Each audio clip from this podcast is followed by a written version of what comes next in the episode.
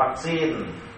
Memang sebagian, tidak semuanya para ulama yang ada di MUI sebetulnya sama. Itu cuma hasil bahsul masail, hasil e, mereka bahsul masail yang mayoritas seperti itu. Mungkin yang diambil fatwanya itu untuk memudahkan. Bisa jadi diambil yang paling mudah untuk rakyat.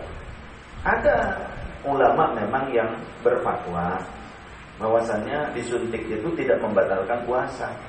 Tapi saya lebih memilih pendapat ijtihad ulama yang ihtiyat, hati-hati.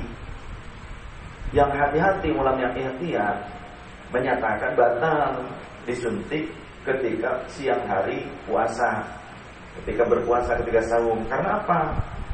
Apa bedanya transfusi darah? Apa bedanya infusan cairan infus pakai selang dimasukin dengan disuntik sama-sama memasukkan cairan?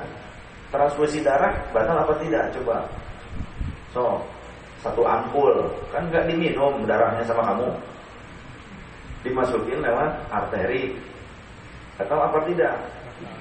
Apa karena tidak dimasukkan ke dalam lubang yang ada? bukan ke hidung, bukan ke mulut, bukan ke telinga, bukan ke dubur, bukan ke kubul, tapi melalui ini jaringan aliran darah di arteri.